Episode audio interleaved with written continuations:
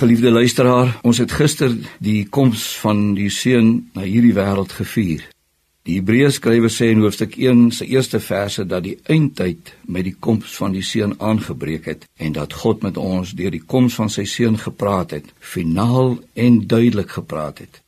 En dit wat God gesê het, het nie net betekenis op Kersdag wanneer ons die koms van die seun vier nie, Dit het betekenis vir die klein stukkie van 2018 wat oor is en vir die onbekende 2019 en jare wat mag kom.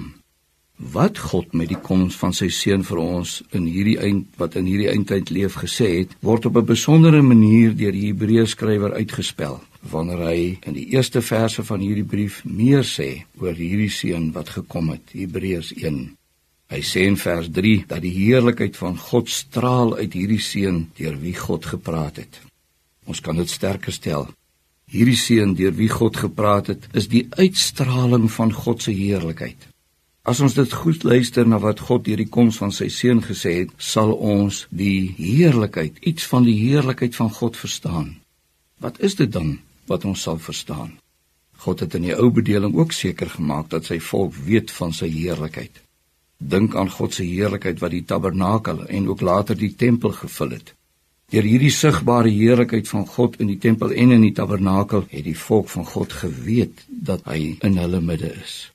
Maar dan teenwoordig in sy magtige heerlikheid. Dit was wat die tempel en die tabernakel vir die volk gesê het met die heerlikheid daarin. Toe die seun egter kom, was dit anders. Nou woon God nie meer sigbaar en magtig in 'n tabernakel of 'n tempel nie. Nou straal dit uit uit die kind van Bethlehem. Dit straal uit as hy ware mens word, as hy onder mense leef en optree. Dit straal uit wanneer hy hom as hy wat eintlik gedien moes word voor sy disippels kniel en hulle voete was. 'n Daad wat heenwys na dit wat by die kruis gebeur wanneer hy hulle wat aan hom behoort tot die uiterste toe dien.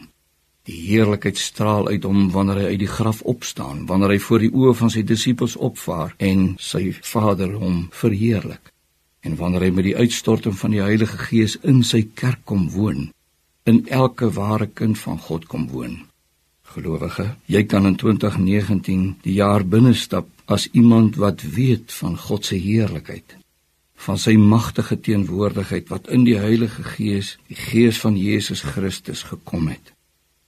Daarom gehoorsaam hom wat jou verlos het met die krag van die Gees wat in jou woon, sodat God se kragtige teenwoordigheid, sy heerlikheid ook deur jou lewe in hierdie wêreld sigbaar sal word.